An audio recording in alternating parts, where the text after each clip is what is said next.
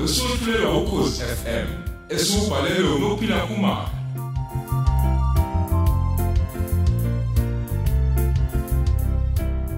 Thamela isiqebu sethu samashumi amabili nesishiyagalombili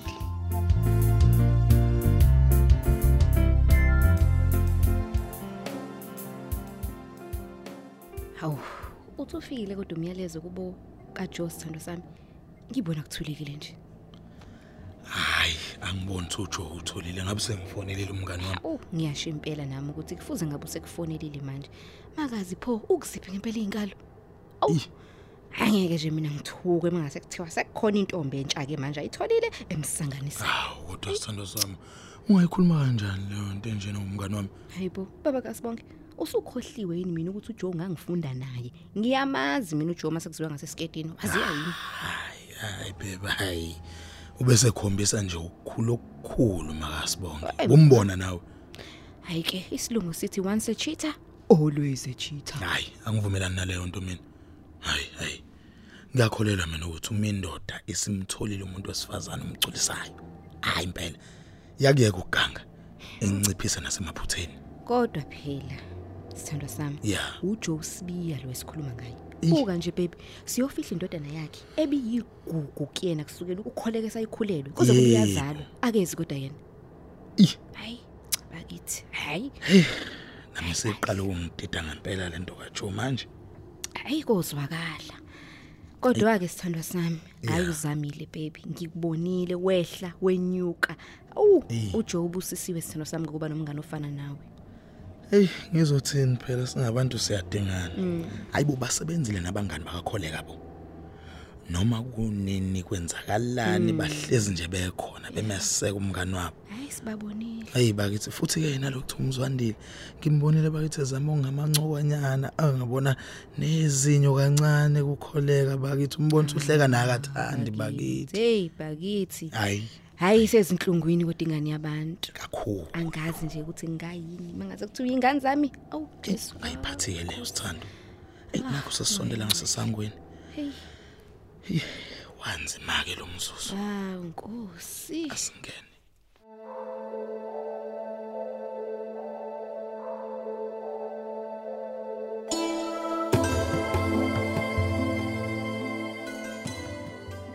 Breakfast in bed.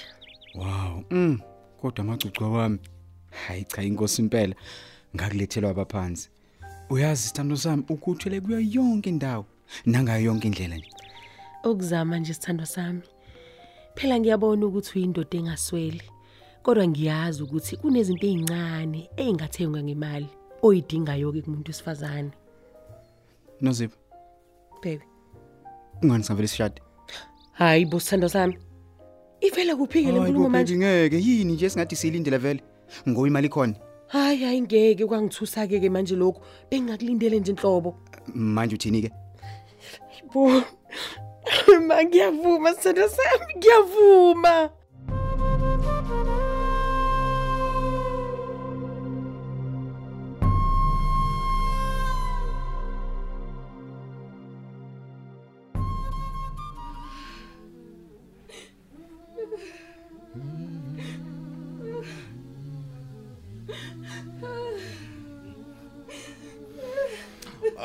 Bazalwane enkosini sibambe.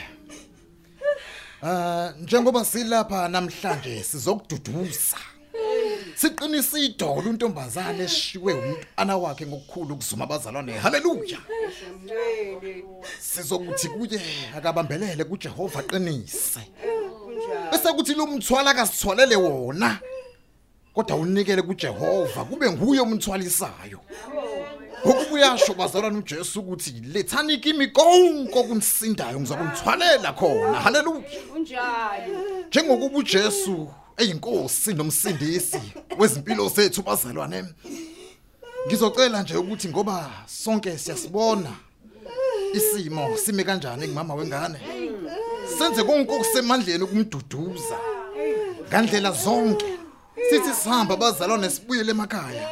Simshiye sengcono kakhulu kunalesi simo esisibonayo. Eh ngisakhuluma nje bazalwane. Ngifikelwa umhlabeleli. Othi ukuhlabelela kuyamthokozisa odabukileyo.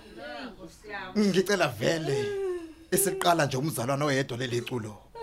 Eh qala mama lapha.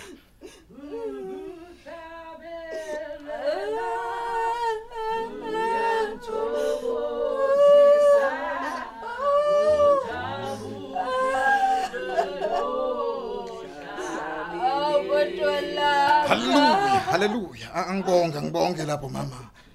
Inkonzo yethu ayizokuba yinde.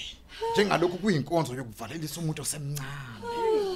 Ongenasikhulumi ezizofakaza ngempilo yakhe. Haleluya. Ngakho ke bazalwane ukuhlabelela lokhu yikho impela esizokwenza kakhulu.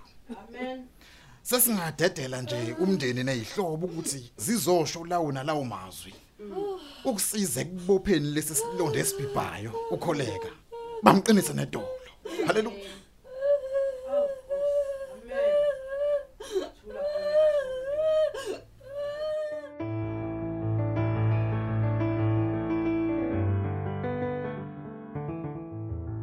Ewu sibonge kakhulu kwizikhulumi zethu Ngithande kakhulu lapha ya usisumethi babusisiwe ababalekela kuyo inkosi ngosuku lwenhlupheko. Ngoba impela abazalwane isikhathi ezinjengalezi yize zisikhumbuza ukuthi akekho yosiphathela impilo yethu ngaphandle kwakhe. Bazalwane lokho ke kungikhumbuza umkhuleko wamaRoma othi ngiyazi ukuthi ngizokufa. Kodwa ngazi ukuthi ngiyokufa nini ngiyofelaphi. Noma ngiyofa kanjani bazalwane? Yinye engiyaziyo ukuthi uma ngifa ngesono isibhubhisayo ngoshona ngize ngisinde nanini. Amen. Ngakho ke kholeka mntanami khumbula ukuthi isikhathi ngesika Jehova akekho necontrol yokuphila emhlabeni. Duduzeka ngani? Yami sinawe noma kunini? Futhi soqhubeka nokubeka emkhulekweni. Sikhulekele ukuphola okusheshayo kuwena ngani yami. Nokho isikhathi sesikhomba ukuthi asiyigoqe inkonzo yomntwana simkhulule. Aye kohlala nezingelosi njengalokho efanelwe. Haleluya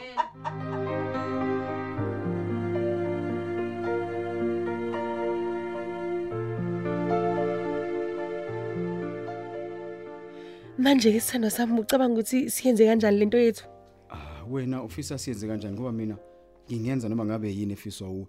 Inqobo nje uma uzogcina unkosikazi wami. no ngokujwayelekile phela kuyaye iqalwe ngomcelo kuba amaloboloke umembeso umbondo umkhehlo ebese ke kuyashadwa Wow izinto eningi kangaka ngaphambi koba sishade. hayibo Ayikho enye indlela esingenza ngayo nje ukukhathula izinto.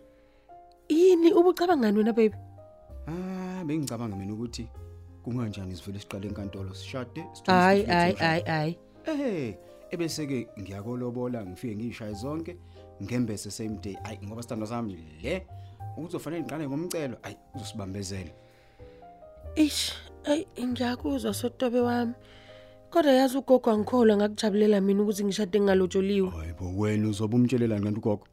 Hayibo kanti usho ukuthi sofihla. Asizu fihla fihla bo fihla lokho wena osukucabanga. Mhm. Uma sengilobolile ngembesa sizobeke sesiveza ke usho ukuthi indandasa sizozifaka sizoyifaka uma sihlezi ndawonye la eThekwini. Umugoduka kuyikhiphe kuyothi ngosuku lomembeso ngikufake yona indadathu kuze phela ungalokhu ubuza imibuzo eminingi. Senzele nje phela nabo makhelwane yabona? Kuzwakala kuzoba mnandi ke lokho. Ngingakujabulela. Ngazile ukuthi iqhinga lami uzolijabulela sithando sami. Ngicabanga ukuthi ke sivele siqale kuleli viki elizoqala bo ukwenza amalungiselelo. Na kanjani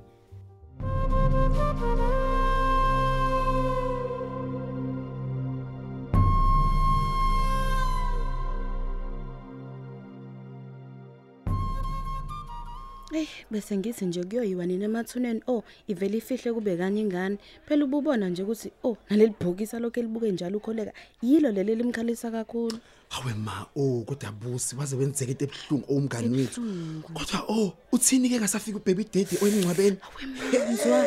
Yini olenza uJo oh? hayi ungayiphathi leyo nto ngiyayiqala ke mina into enjeya Eh mhlambe owumntana abantu ovelwa imilo enhliziyo sazi ngani Hayibo. o phela ibigugu okujoli yangane o kodwa ukholeka ikhona into emdlayo ngikutshele.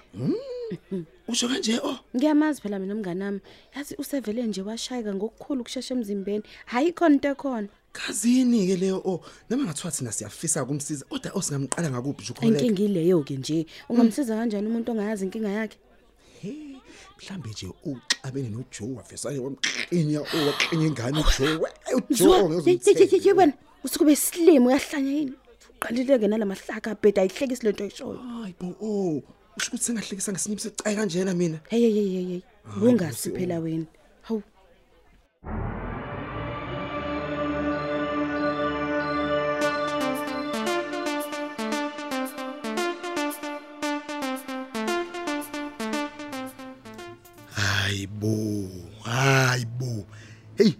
Saze sayenza into enhle stepmother sika Joe yezwa ungabe usashongo sithandwa sami hey awucabange nje ihlazo. Sekuthiwa phela abasukuma abantu bakuboka kangane pha- beze phambili. Bekosukuma bani ngempela ngempela? Hayi ngiqinisile inkosi impela yazi ngayiqala into enje mina. Ukhona umuntu ongavela nyamalale njani nyamalale ngempela engaziwa ngisho na umuntu na umndeni wakhe umngani wakhe omkhulu ukuthi hey ngisho nasemadala Judeni akazi ngibonde nje. Hayi bandla. Mina esangikhathazi nje lento kodwa iyangithusa. Ngempela kodwa awucabanga ukuthi mhlambe kukhona kubo kumehlele hayi. Angicabanga njalo ngabe sesizwile baby. Usho kanje kodwa sithando sami? Hayibo ngisho kanjani impela mntakwethu? Ngabe sekukhona sesikuzwile emsakazweni? Ukhozi phela lala endleleni. Hayi mfana phela lisazisa ngazo zonke izinto. Futhi ke kona ke kuba sikubebonda. Hayi hayi hayi hayi hayi hayi. Hayi lalela zekhe engaphumi hayi cha kodwa uqinisile sithando sami. Yazi uqinisile? Ngabe sesiyazi kube kukhona ukumehlakalelile? Hey ake silinde kodwa baby kusasa ngizoya le emsebenzini wakhe ngimbheke khona. Ey uma uthi angimfici hayi ngi- ngiyobe sengiqonda ngqo emaphoyiseni. Ngiyobika phela ukuthi hayi bonakho silahlekele ngimbike njengomuntu olahlekile emaphoyiseni. Hayi ojo bazokumangaza awuzame kanjalo sithandwa sami. Kulungile baby.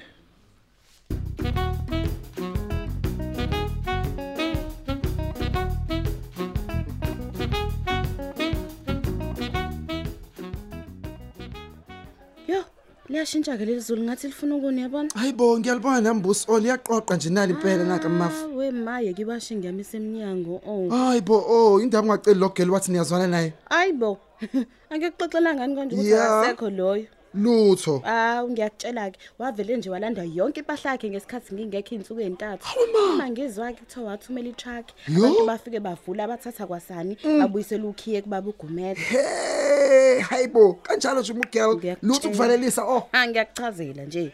Lapho kakabona nangokhalo ko WhatsApp ko Facebook angimazi nje. Noma sewayikhipha inamba yami mhlawumbe wangiblock kusukela nje ngalo langa hamba ngalo oh ungafuka khona into engamenzayo yona. Phela mina ngicabanga ukuthi zabangani Hey, abanjalo ke abantu ke obazokumangaza Yey. usumsizi kangaka olo yafam Julia? Ngimqaqa. owamfundisa itheku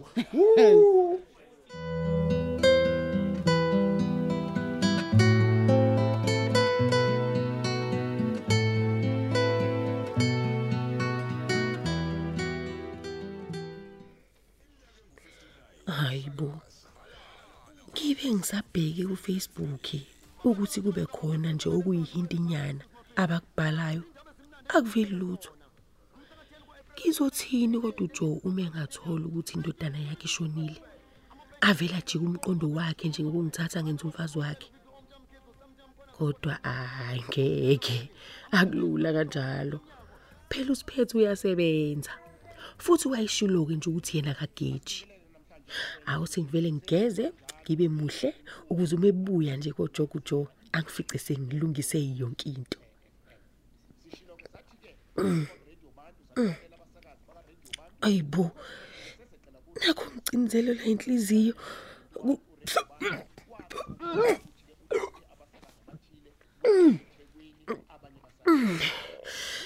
Ayibo Jehova kungenzeka yini ukuthi sengivele ngakhulelwa nje isuka?